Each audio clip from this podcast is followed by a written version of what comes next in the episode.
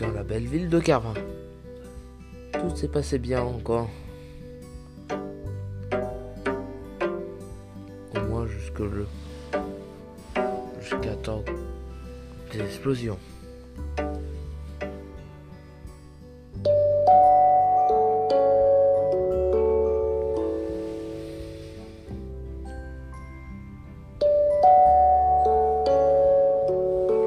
Quand je parle un peu 丈夫